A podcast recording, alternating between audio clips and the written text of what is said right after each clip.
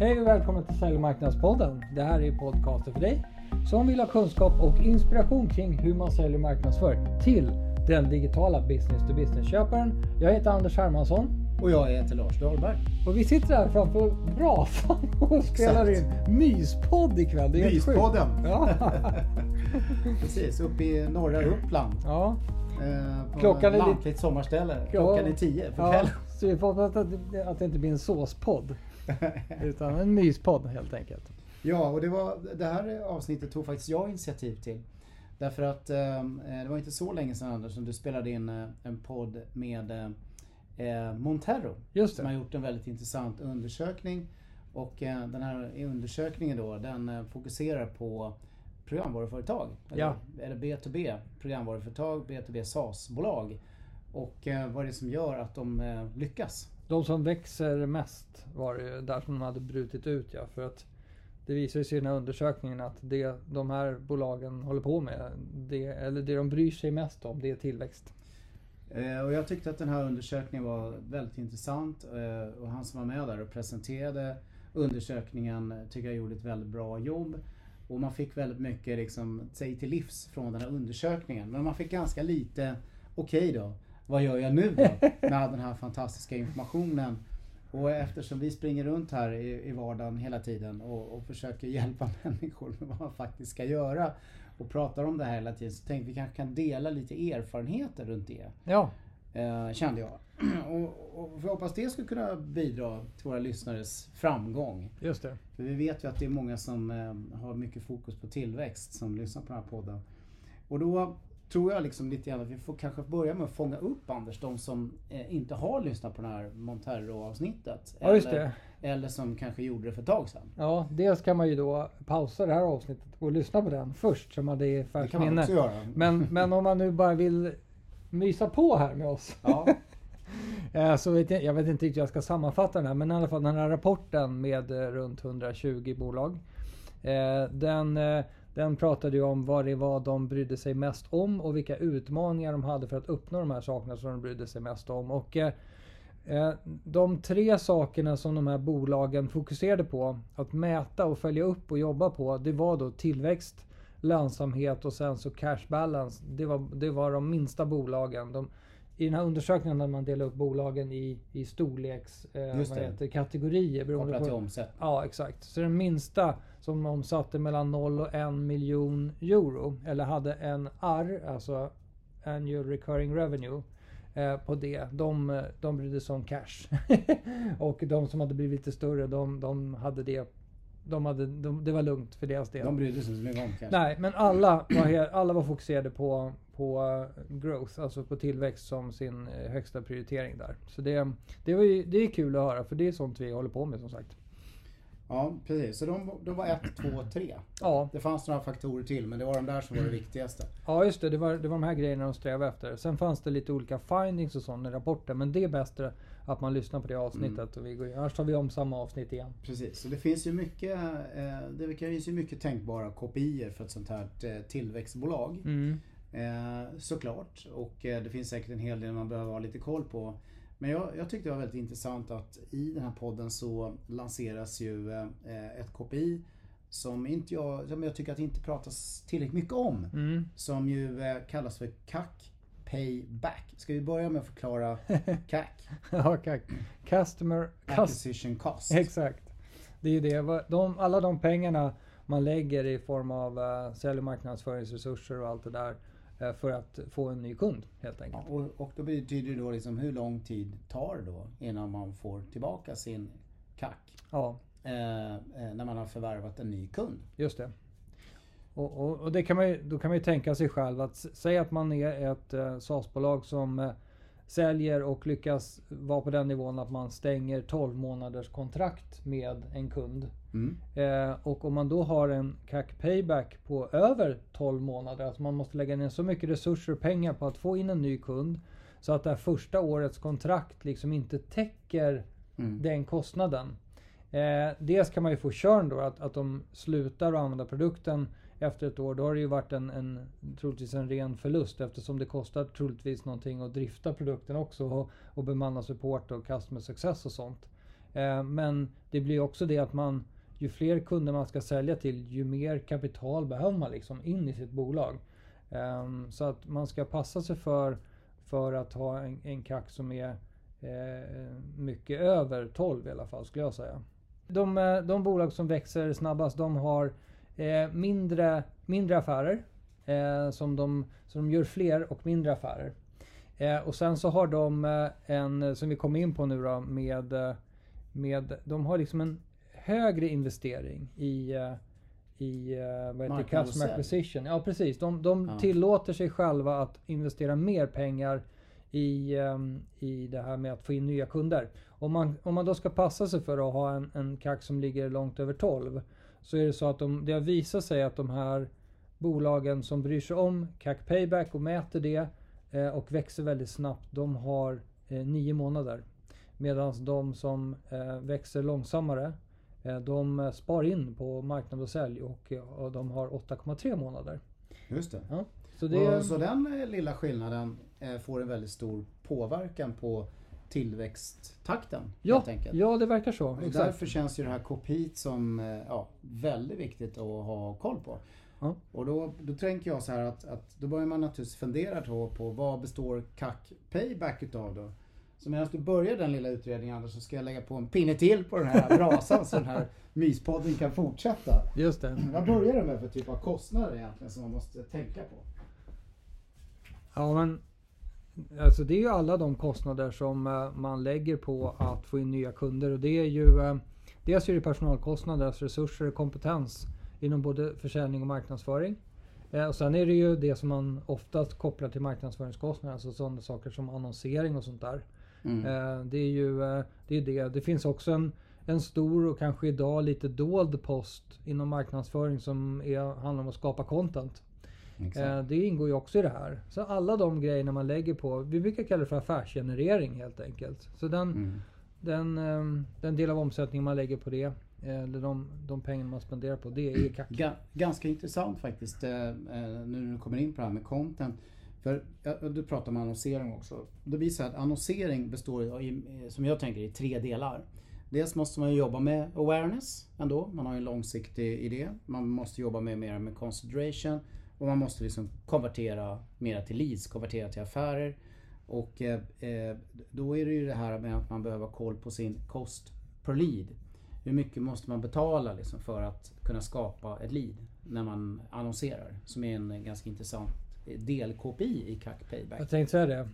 Det, är ju, det finns ju många KPI inom ramen för den här processen. Jag menar, man vill ju se mm. på, man vill titta på om, om man nu har eh, till exempel säljarlöner. Mm. Då vill man veta hur lång säljprocessen är. För under varje minut som säljprocessen pågår så ska säljaren ha lön.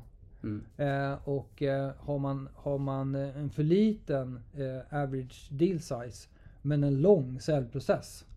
Eh, då går liksom inte det där riktigt ihop heller. Så det finns, det finns många saker man behöver hålla koll på i, ehm, i just inom, mm. inom ramen för vad CAC består av. För att det är ju, det är ju en övergripande KPI som sen består av en massa annat. Just det. Underliggande. Och Eh, generellt sett kan jag känna lite där eh, baserat på många kundresonemang här. Det är ju att, att det kan vara så att det finns liksom en, eh, kanske ungefär, tänker jag, får se hur du känner Anders. Så att det finns en tredjedel som handlar om liksom, kompetens som gör jobbet. Eh, eh, och eh, sen finns det liksom en tredjedel som handlar kanske om annonsering. Eh, och det finns kanske en tredjedel ungefär som handlar om content. Kanske ja. lite mer på personal. Ja. Om och man sen, blandar och sen, in sälj också. Och sen finns det en tredjedel till då. Den mm. fjärde mm. tredjedelen som är just det här med, med, med alla, alla system och sånt där som man faktiskt behöver ha. Eh, det går inte bara att köra med, med tejp och, och sax längre som Nej. man marknadsförde på 70-talet utan det finns en del, en del grejer man, verktyg man måste ha för att vara effektiv. Fast generellt sett är, är, jag tror många kan dra sig lite för att verkligen investera i de här systemen. För det är ganska mycket pengar. Man har inte alltid kanske tidigare investerat i den här typen av system, system så mycket. Marketing automation och analysverktyg och, och eh, CRM-system har väl investerat i tidigare i och för sig. Men Men eh, att just den kostnaden är väl egentligen ganska låg i förhållande till de här andra kostnaderna. Om man skulle, när man sätter igång och börjar räkna på sin kack. Det borde det vara. Ja. Mm. Okej, så att här har vi eh, en hel del olika saker som vi behöver eh, blanda in för man ska kunna räkna ut det. Men det är ju eh, det är inte så svårt egentligen. Nej, nej, det, det är inte så svårt på totalen. Nej. Sen om man ska gå ner och kanske titta på vad kostar den här specifika affären att få in och sånt. Det ju, blir ju marigt. Men, Mm. men att göra det på totalen, det är inte så jäkla svårt. Mm. Ja, men sen så var det en annan eh, aspekt då och det, och det är ju då eh, eh, innan vi kommer in mera på liksom huvudet så är det ju så att, att de här eh, som växer, de växer ju mer än 40 procent. Va? Var det. Ja, de, De hade skilt, riktigt duktiga. ja, de hade skilt ur en grupp Mm. som de kallar för Growth Champions. Och det är de som växer över 40% per år. Och de, de lägger då enligt undersökningen 24 procent på personalen. Nej, 24 procent av personalen eh, jobbar med eh, marknad och sälj helt enkelt. Med att de är Exakt. kackkostnad. Ja, exakt. exakt. Så de investerar rätt tungt i, lite mer då i, i säljmarknaden än de som inte växer riktigt lika fort. Och det, det vet jag, det, jag ska inte ta om samma podd igen, men ibland kan det vara så att i Sverige så har vi en liten övertro på ingenjörskonsten. Att bara vi gör en perfekt produkt så kommer den att sälja sig själv. För det kommer världen att förstå. Det, det stämmer ju inte ja, alls. Utan man eh, behöver göra en bra produkt såklart. Eh, egentligen minsta möjliga, men en bra. Eh, och sen så ösa på med att få världen att uppmärksamma Mm. den överhuvudtaget. Och sen, sen tycker jag också en, en erfarenhet som jag har mycket. Det är att, att många tillväxtbolag tror att marknaden är mer mogen än vad den är. Eh, Just det det. krävs mycket mer. det håller jag med om. Eh, Och det tar längre tid för marknaden att mogna många gånger. Det kan gå fort i den här teknikvärlden vi lever i. Men eh, på B2B-sidan så gör det inte det Nej, oftast. nej. Det tar mycket längre tid än man tror och marknaden är mer omogen än vad man tror. Exakt, och det finns här, det, det finns någon sorts känsla tror jag av att beteendeförändring är riskfyllt. Mm. Vi vet vad vi har. Mm. Vi kör vidare med våra stenciler och, och Företag är kopieringspapper. mer risk, risk eh, aware, vad heter det? averse Ja, just än det. vi konsumenter som är inte beredda att bara hoppa på Ja, ner. nej, men vi, jag kan testa den där liksom. Men, Ja. ja, exakt. Nej, men det, är lite, så det, det finns en tröghet där och det tror jag överraskar de flesta. För man blir så himla kär i sitt eget erbjudande när man väl har kommit på det. Så att man, man tänker att bara folk får minsta nys om det här så kommer de att hoppa på mig och köpa. annons och köper dem. Ja, exakt. Eh, Men du, eh, om, om du skulle då försöka gräva ner lite i eh, vad det är för eh, utmaningar som de här tillväxtraketerna faktiskt står för i vardagen när det gäller att eh, generera de här affärerna och få till sin eh, CAC payback på det sätt man vill för att optimera tillväxt och affären över tiden. Vad skulle du säga? Det finns ju en ganska intressant lång lista här Anders, men eh, Bör- du, någonstans. du kan väl börja läsa lite här i början av listan. Ja, ja, vad ska vi börja med då? Det här med, med att, eh, jag, jag menar, jag tror så här att det här med budskap. Man tror ju liksom i början att, att man har nailat det. Vi vet liksom vad vi ska säga om Ja. våra grejer och vilket värde det levererar. Eh, eh, och så öser man liksom på. Då inser man ganska snabbt efter ett tag att, men vänta nu lite grann här. Vi måste skruva på det här. Och man måste anpassa det lite beroende på liksom vem det är man vill påverka som är en del av den där köpresan som ska köpa det där erbjudandet. Så, så man måste kunna liksom skruva och justera på budskap snabbt. och Just det. testa sig fram framförallt. Ja, just det. Man Aha. testar och så får man se hur det biter och så testar man se hur det biter. Ja, och ehm, just att man, så man behöver bygga upp sin liksom, infrastruktur, man ska kalla marknadsmaskin på ett sätt som gör att den är flexibel. Helt enkelt. För att om man investerar alla pengar i, ehm, eh, i, sin, i sitt första försök. man bygger en pyramid i, Mm. i granit. Eh, och, och sen var det ingen som var intresserad. Nej, Nej. flexibilitet är verkligen A och O för att man ska kunna få till budskapsjustering. Men man måste ju justera på allt egentligen. Eh, Jag var på ett föredrag på IDG för många år sedan med Per Schlingman och man blir avundsjuk på honom för han har ju, han har ju ett bra sätt att kommunicera. Han är duktig. Han eh, pratade om den nya och gamla marknadsföringen och det här tycker jag stämmer ganska bra. Han, han sa det att eh, det gamla sättet det var liksom som att spela bowling. Man laddar all kraft man har i bowlingklotet och så bara skickar den iväg och hoppas på strike. Mm. Men jag menar, går det i rännan så har du inget kvar liksom. Nej. Medan han sa modern marknadsföring, eller jag tror han sa kommunikation, han är ju kommunikatör. Så modern kommunikation då, eh, som han sa, det handlar mer, det är mer som att spela flipper. Mhm. Man ska liksom vara, vara agil och liksom se till att hålla kulan igång. Ja. Liksom. Eh, Och testa olika vinklar med flipprarna. Den är lite, det är lite bättre att tänka så, hur kan vi göra så att vi kan spela flipper? Flippra på. Ja, istället för att ladda vårt bowlingklot och, och hoppas hålla tummarna. Ja, det- Jag har inte hört dig dra den där Nej. innan. Den är jättebra faktiskt. Flipperspelsanalogin. Yes. Grym. Eh, nej men, så här flexibla, men det finns ju flexibilitet i, liksom, i olika dimensioner här. Det här med gasa och bromsa. Mm. Eh, till exempel att man ska in på en ny marknad. Då gasar man på för att testa och se lite hur det går. Och så gick det kanske inte som man hade tänkt sig, gick inte så bra eller man fick eh, jättemycket liksom fart. Så man måste liksom ta hand om den farten man skapar. Så behöver man bromsa. Mm. Och så tar man hand om den och sen så måste man kunna liksom gasa. Och det där måste man kunna ställa om på, på någon vecka hit eller dit. Liksom. Det går ju inte att, att liksom hålla på och... ja, det är inte, man kan inte hålla på som, som en oljetanker. Liksom. Nej, Utan här måste det vara det, det, finns ju...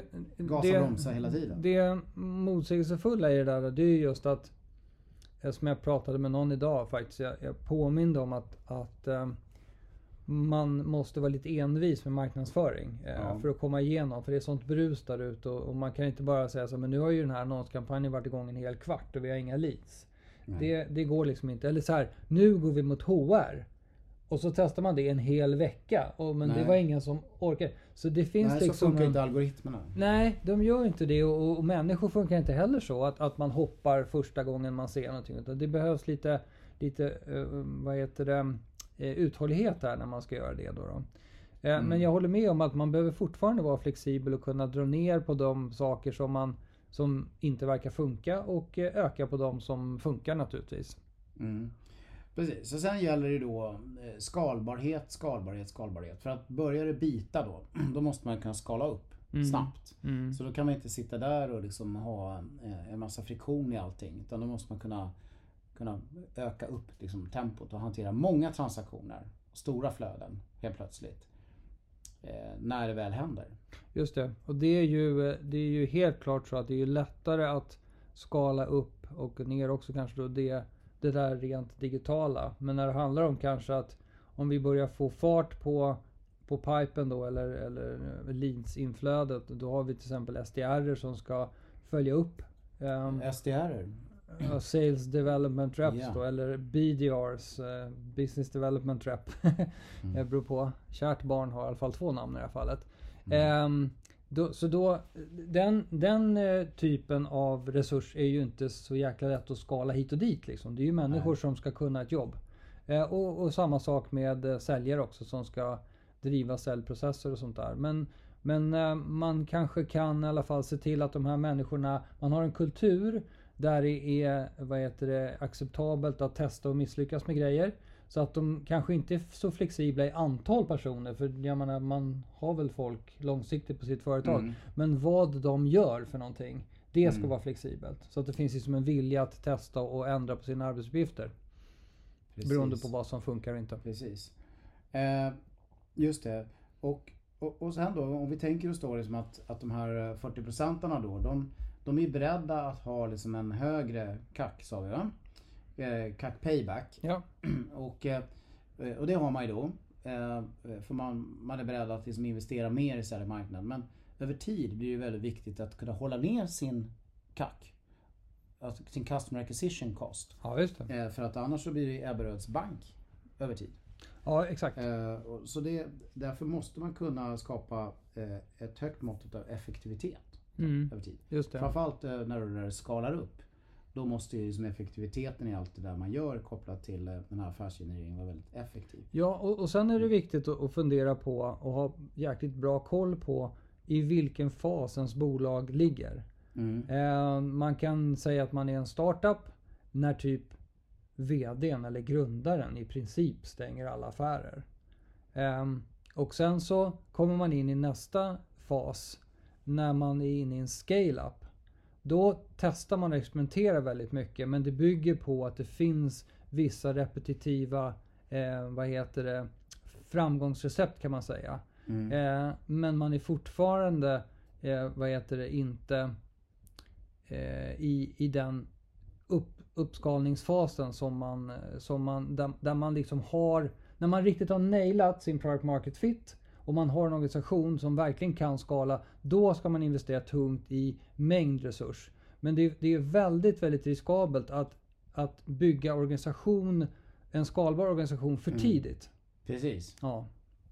Och det enda, var, det enda med det här resonemanget nu som var fel, det var att jag med, det, finns, det kallas för ramp-up. Så det är liksom en, en startup först när man hastlar och man gör affärer med vänner och bekanta och, och grundan. Och sen så är det en ramp-up-fas där man försöker få ordning på saker och ting så att organisationen, det är lite ordning och reda på grejerna och det är flera som är inblandade. Och när man väl har, fått till en repetitiv process där som är så att säga bevisad att man har product market fit till exempel.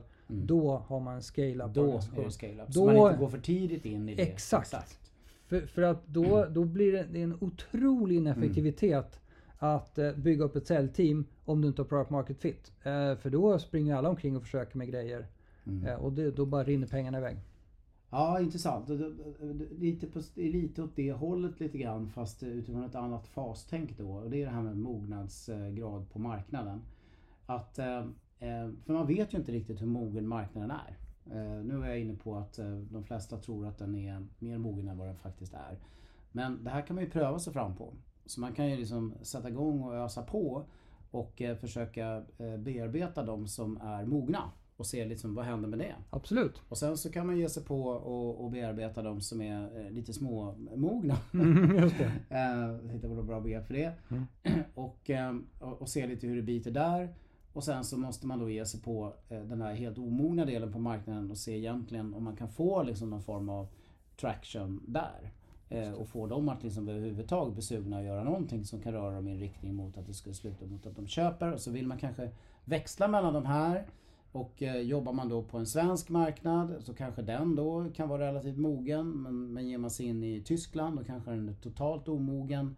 Och så vidare. Så man måste kunna variera liksom. Ja, på, på hur man skjuter liksom, utifrån mognadsgrad. Ja, och, och det är ju viktigt i början när man måste prioritera. Sen när man har lyckats skala upp det här, ja, men då, får man, då ska man ju köra på alla tre på en gång. Mm. Alltså utbilda folk som inte har fattat grejen. Eh, kanske någon late majority eller något sånt där. Medans de här eh, early majority eller, eller visionärer och sånt, de är på liksom från början. Så Mm. man vill ju adressera då alla de, alla de där, vad det lider i alla fall. Mm. Eh, Och sen har vi det här med nya marknader eh, snabbt. Och eh, det pratar, pratas ju en hel del i den här Montero-podden också. Att, att eh, det är väldigt viktigt för growth att man måste kunna ge sig in på en ny marknad snabbt när man eh, ser att man behöver det eh, och vill göra det och ser möjligheter där. Och då, då hamnar man i det där läget att, att man vill ju typ testa marknaden först. Värma upp den och eh, sätta igång med lite leadserier innan man eh, skickar dit country managern och alla säljarna och allt vad Ja, det var ju det, var det jag försökte övertyga vad heter den här gode mannen från, från Montero om. Han hade inte riktigt tänkt på det viset tror jag. Ehm, de pratar mer om att, att man ska se till att inte anställa en country manager till att börja med utan mer eh, taktiska säljresurser som man då får styra hemifrån så att säga. Ja. Eh, Så det var det. Var det. Men jag, jag vill också propagera för den idén som, som vi har kört på i många år Lasse. Just att Mm. bygga upp en digital närvaro innan man Mm. anställer säljare. Och det finns flera saker som, ja, flera fördelar med det. Eh, Men en är ju definitivt att den tid som då går innan en säljare kan stänga sin första affär blir definitivt kortare om det Mm. finns en leads pipeline. Eh, och, och, eh, ja, och det andra är ju att det är ju eh, det, det, är, Mm. det är ett mycket varmare välkomnande av en ny säljare. Precis. Och inte bara få liksom ett tomt kontor och en Jag tror mobiltelefon. vi har använt någon liknelse med det där någon gång. Att, att man vill att det ska stå människor utanför butiken när man öppnar den. Ja exakt. Det är ju trevligt. Eh, det är ganska trevligt. Mm. Eh, så, det, så är det ju. Och sen så skulle jag vilja säga så här, en, en utmaning som, som jag tycker blir större och större för eh, de här tillväxtbolagen. Det är att kvaliteten egentligen på allting som man behöver göra eh, ökar. Mm. Man behöver se ut som man är så att säga, större än vad man är. Mm. Och eh, eh, mycket av det som syns då kopplat till marknadsföring och, och försäljning och så behöver vara mera påkostat, bättre kvalitet, eh, hänga ihop, hålla ihop. Eh, ja, ha bra höjd liksom. Ja, och det, Ehm. det var ju faktiskt, det är väl ett, ett, ett medskick från en annan podd som jag körde ganska nyligen om varumärkesbygge. Mm. Eh, man måste vara noga med att eh, se till att ha en konsekvent kommunikation och framtoning så att säga och veta vad det är för underliggande frågor man faktiskt driver för att bygga sitt varumärke långsiktigt under tiden man håller på med de kortsiktiga lead-genererande grejerna och sånt där. Mm. Så det måste liksom bygga på varandra mycket, mycket, eh, mycket tydligare idag. Så det är viktigt att investera i en, i en ja, solid varumärkesplattform helt enkelt. Mm. Ja, det är en lång lista här med utmaningar. Det kanske avskräcker folk. Men jag tänkte ändå att vi skulle slänga upp den här, den här med att man behöver kanske börja också tänka seriöst på att integrera sin eh, programvara. Framförallt nu om man är ett B2B SaaS. Eh, så att man integrerar den med liksom marketing automation, CRM-plattformen. För att man sen längre fram ska kunna ha koll på vad kunderna faktiskt använder i plattformen och kunna utnyttja det för att effektivisera eftermarknad, upsell och crosssell och alla Mm. sådana saker. Det fanns ju en, en viktig parameter för de här tillväxtbolagen. De fokuserar väldigt mycket på mer försäljning till kundbasen. Mm. Eh, Och de tittar på något som heter Net Revenue Retention. Alltså hur mycket mer säljer de till sin, till sin kundbas. Mm. Eh, och det, dels, det, det första man, man måste då ha koll på det är att man har en affärsmodell och en produkt som är möjlig att expandera. Kanske på två olika håll. Dels kan man ju sälja fler, mer funktionalitet till samma användare. Eller expandera användarbasen på ett konto då. då. Men något av det där, eller helst båda, behöver man ju liksom kunna erbjuda kunderna för att det ska finnas en merförsäljningsmöjlighet. Annars är det ju slut efter första Mm. första så att säga, försäljningen. Och det är ju synd att inte utnyttja det här fina med att kunna eh, vad heter det, ha en, en lång kundrelation och erbjuda mer värde över tid. Då. Exakt. För det är så mycket så man blir eh, värderad sen över tid. Också att man är duktig på det där. Ja just det. Och det, jag menar, det är ju så här att eh, om du har ett bra inflöde av nya kunder men du liksom får en tillväxt genom att du säljer mer till din kundbas. Då, dels så ökar ju din stickiness hos dem. Så att jag menar, din churn går ju troligtvis ner om du lyckas sälja mer hela tiden till din Mm. kundbas. Det, alla de där sakerna hör man ju att det bidrar ju till en, en hälsosam tillväxt. Du, om vi ska börja prata lite mer om eh, hur man gör något åt detta då. Eh, så, eh, så, så vi brukar ju lite grann snurra lite runt att eh, det kanske är tre så delar man ska försöka eh, rekommendera. Att eh, man måste ha fokus på. Ja, man behöver ju ha Mm. modeller. Det finns ju tusentals modeller för det här naturligtvis. Men, men om, om man ska försöka vara lite pedagogisk så de här tre delarna, det handlar ju om att ha då rätt budskap och erbjudande till eh, sina köpare. Man behöver liksom vara, ehm, som, vara kunna vara agil eh, och eh, datadriven i sitt genomförande när man, när man jobbar helt enkelt på ett smart sätt. Eh, och sen så för att kunna göra det här så behöver man ha en eh, komplett liksom, digital infrastruktur. Man behöver ha en, en, en digital affärsmaskin helt enkelt. Så Mm. de tre delarna tycker jag man ska eh, fokusera på. Ja, och, och failar man med någon av de här så kan det få rätt förödande konsekvenser. Verkligen. Det vill verkligen vässar eh, erbjudande och, och, och budskap Mm. eh, och så. Eh, och, och så missar man på den här agila datadrivna metoden. Mm. Då, då, då händer ingenting. Eller i alla fall inte långsiktigt. Nej, precis. Och eh, har man inte rätt typ av infrastruktur och, och så för att kunna mäta grejer och driva det och skala det och sådär så fallerar i alla fall. Det är jättejobbigt att göra någonting åt det när man väl har kommit en bit på vägen. Ja, precis. Eh, om vi ska bena lite i de här tre då, för, i- för att ge lyssnarna lite mer klarhet. Vad skulle du säga Anders, om vi ska sammanfatta lite kort då, liksom, hur får man till rätt budskap och erbjudande då? Ja, just det. Och, och man skulle ju få till rätt budskap och erbjudande till köparen. Och vem 17 är det då? Man behöver ha koll på sin, eh, det är mycket förkortningar den här ICP, alltså din Ideal Customer Profile, sin idealkund. Mm. Eh, och vi brukar ju prata om, om värdebaserad segmentering. Alltså vilka typer av organisationer kan vårt erbjudande tillföra absolut mest värde? Mm. Det är där man ska sikta för där har man ju störst chans att eh, vad heter det, sälja helt enkelt. Och, och leverera värde till en kund. Så det blir liksom att man måste vara noga med att välja ut en, eh, en idealkund och sen fatta hur den typen av organisationer köper. Och det är där köparen kommer in i bilden. Vem är det som driver den interna kan man säga, inköpprocessen? Och det är den man måste vara otroligt eh, vad heter, noga med att förstå. Ja. För det är där, det är där budskapet ska bita. Och det, Och det har vi pratat om i många avsnitt. Ja. Det här med att tänka köpresa och, och tänka utifrån in och tänka liksom personas. Ja, Och, och hur de kommer in i den här köpresan, hur man måste hålla isär dem och påverka dem olika Mm. eh, och så vidare. Eh, och sen har vi ju gjort en helt avsnitt om det här med värderesa. Man måste tänka inte bara värde när någon ska köpa något och betala något utan man måste tänka värde i varenda transaktion. ja, Eh, oavsett om det är en liten annons eller en bloggpost eller en guide eller ett webbinar som har något sorts syfte att inspirera eller utbilda någon så måste det måste vara värde, värde, värde liksom Ja. hela tiden. ja, vi har babblat Det- mycket om det där. Ja. Mm. Så det finns det lite grann. Och sen så är det då eh, eh, verkligen det här med att man måste ha en, en eh, som en del i det här med budskapet måste man kunna skapa innehåll Ja, som reflekterar budskapet. Och en, Ja, ja, en apparat och maskin och effektivitet för att snurra runt det där innehållet, få till det här innehållet. Det får inte kosta för mycket, det måste gå fort. Ja, liksom. och, det blir, och det, just det där. Ibland kan man fuska över det där med en contentstrategi. Det låter liksom lite teoretiskt och köpresa. Herregud, vi vet ju att det är CFO som skriver på pappret. Ja, men Mm. om man inte gör det där grundjobbet eh, och, och, och tänker igenom hur köpen faktiskt går till.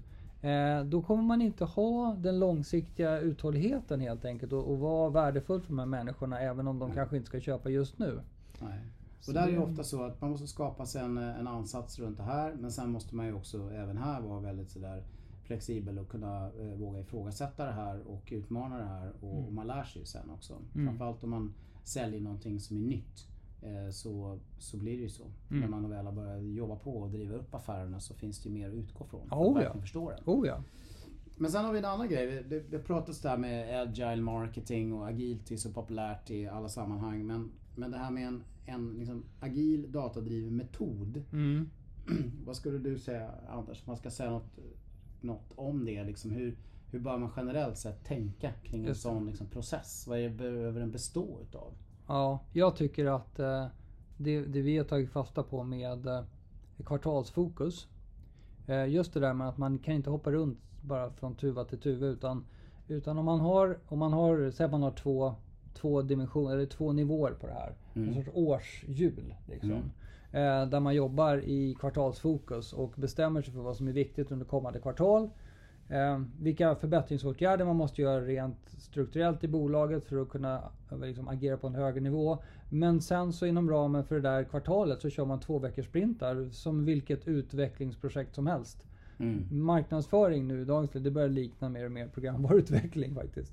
Ja. Vi har något litet att testa och lansera det och, Och se det är om det mycket sticker. programvara man skruvar i också Ja, för att det ska bli marknadsföring. Exakt. Det, det finns mycket likheter. Ja. Nej, men jag tycker det är intressant det här att du pratar om det här med kvartalsfokus. För att det tror jag många tappar bort. Det är att man försöker göra, göra, göra. Liksom. Man gör awareness, man gör consideration, man Ja. gör, man gör liksom eh, conversion och man, man försöker få fart på maskinen. Men man tänk, glömmer bort liksom att man måste hela tiden jobba med att förbättra sig. Mm. Skapa sig nya förmågor. Just det. Eh, och, och det. Och det. För det går liksom inte att bygga den perfekta förmågan från dag ett. Utan man måste, måste liksom utveckla förmågan. Ja, just det. Eh, På många olika sätt.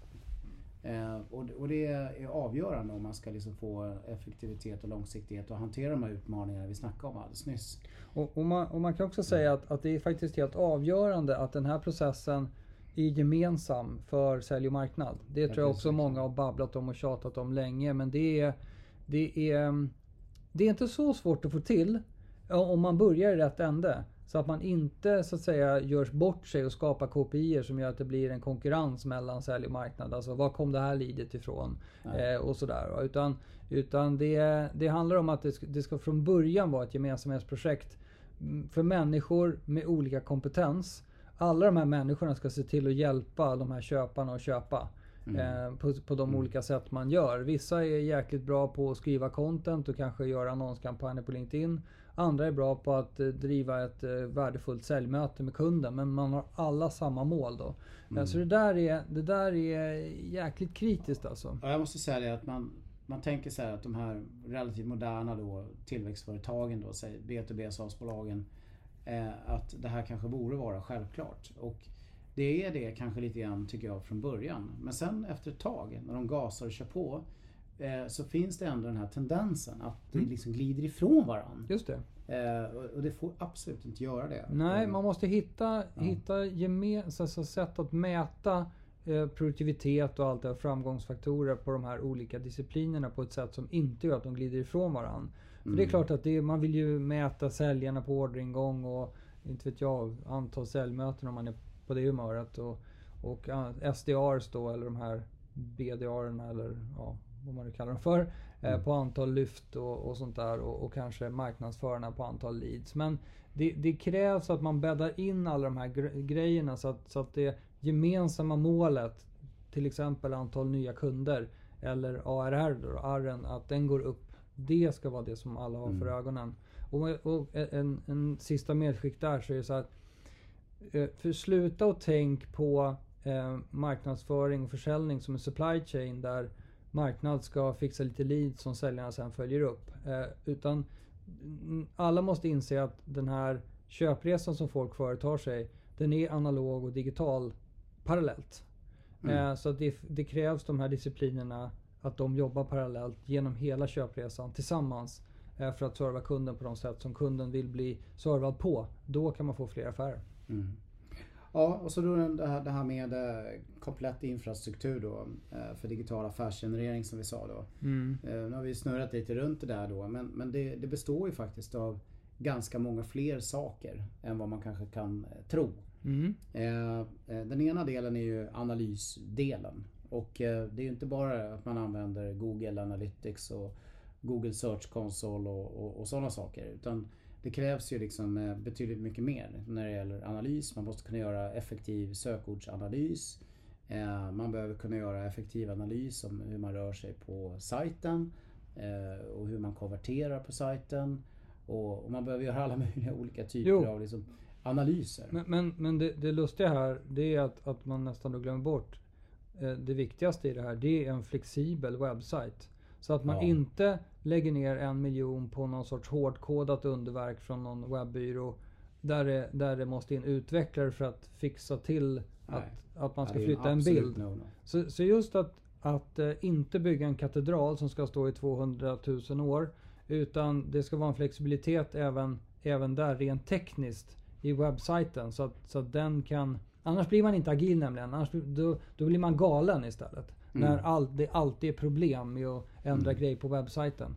Och sen som du säger Lasse så måste man ju naturligtvis ha eh, vad heter det, örat mot marken där och analysera vad folk gör på sajten och inte Ja. gör. Så att man kan få underlag för vad man ska ändra. Ja. Och sen det här med marketing automation och CRM som det pratas så mycket om. Eh, det, det är verkligen det här att eh, det behöver sitta ihop för att man ska kunna hålla ordning på alltihopa och, och få liksom, eh, eh, data. Men det är inte bara liksom det här, eh, när man pratar marketing automation och CRM så måste man ju även kunna liksom expandera det till att eh, inkludera till exempel eftermarknad Mm. över tid i Mm. alla fall. Det finns Absolut. ju enorma fördelar att ha, ha då marketing automation och CRM och eh, customer support eller vad, vad vi ska kalla det för. Ja, säga. Ja. Customer success i Ja. samma system. Absolut. Om man har en Eh. strategi där det är viktigt att sälja mer till, eh, till kundbasen, då är det ganska kritiskt såklart. Avgörande.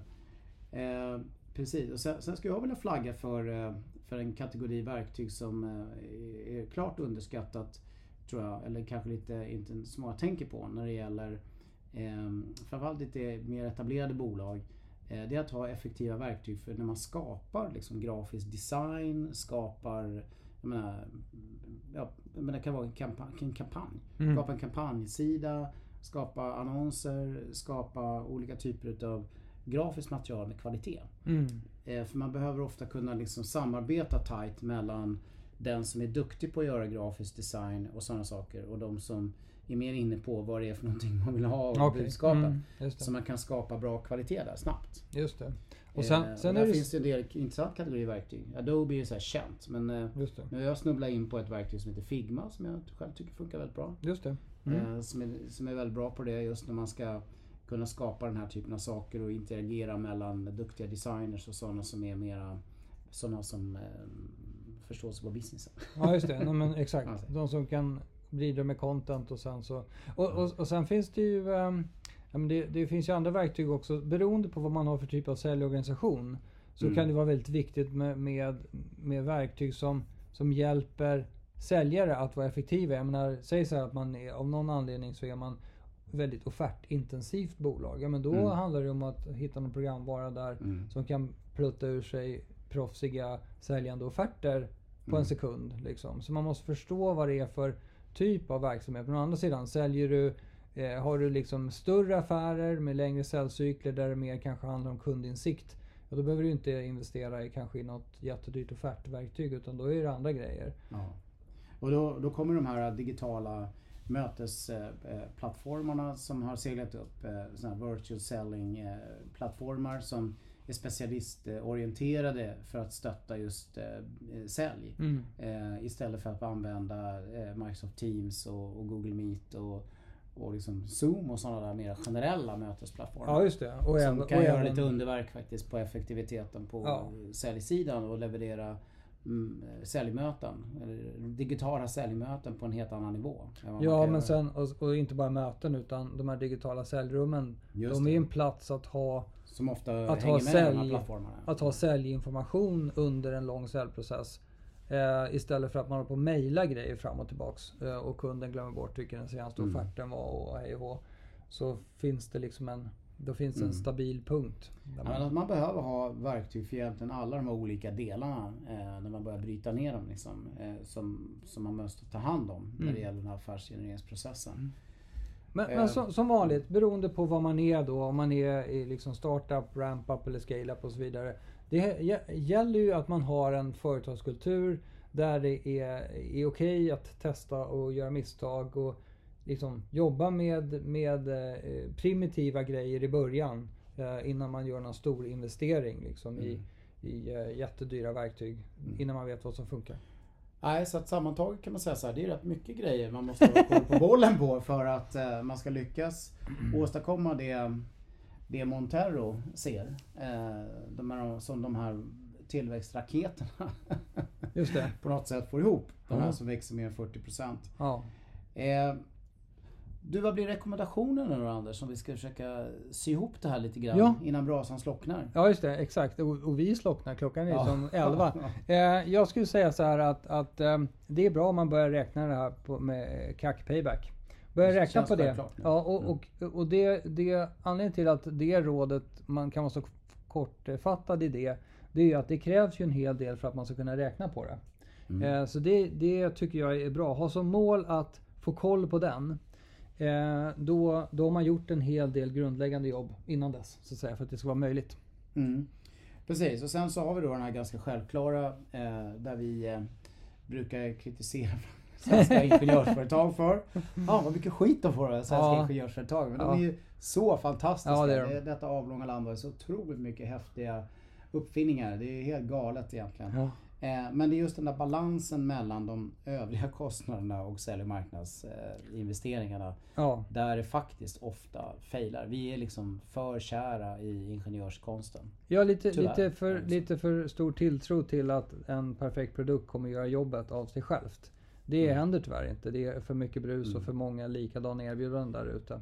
Så att det, Ja. det är bra att tänka på att eh, marknad och sälj är definitivt ingen kostnadspost. Det är en ren investering. En investering i tillväxt. Så tänk på det på det sättet. Ja, och tittar man då på, på de här 24 procenten som vi babblade om tidigare i avsnittet. Mm. Att 24 procent av personalen ska vara väldigt fokuserad kring att jobba med, med affärsgenereringsfrågorna här. Mm. Eh, så är det ju inte liksom bara det då. Utan man måste kunna ha råd att lägga till programvara som vi nu har babblat om alldeles Mm. nyss. Och liksom en rejäl dus, eller vad heter det? En rejäl hög med pengar i form av marknadsföring, annonsering, synlighet. Det är, bra, det är bra att planera för det. Mm. Mm. Vad bra då. Så nu har ni lite grann att fundera på. Ja, exakt. Ja, och som vanligt, eh, vad ni än gör där ute när ni sitter och funderar så ska ni se till att vara relevanta. Hej då! Hej då!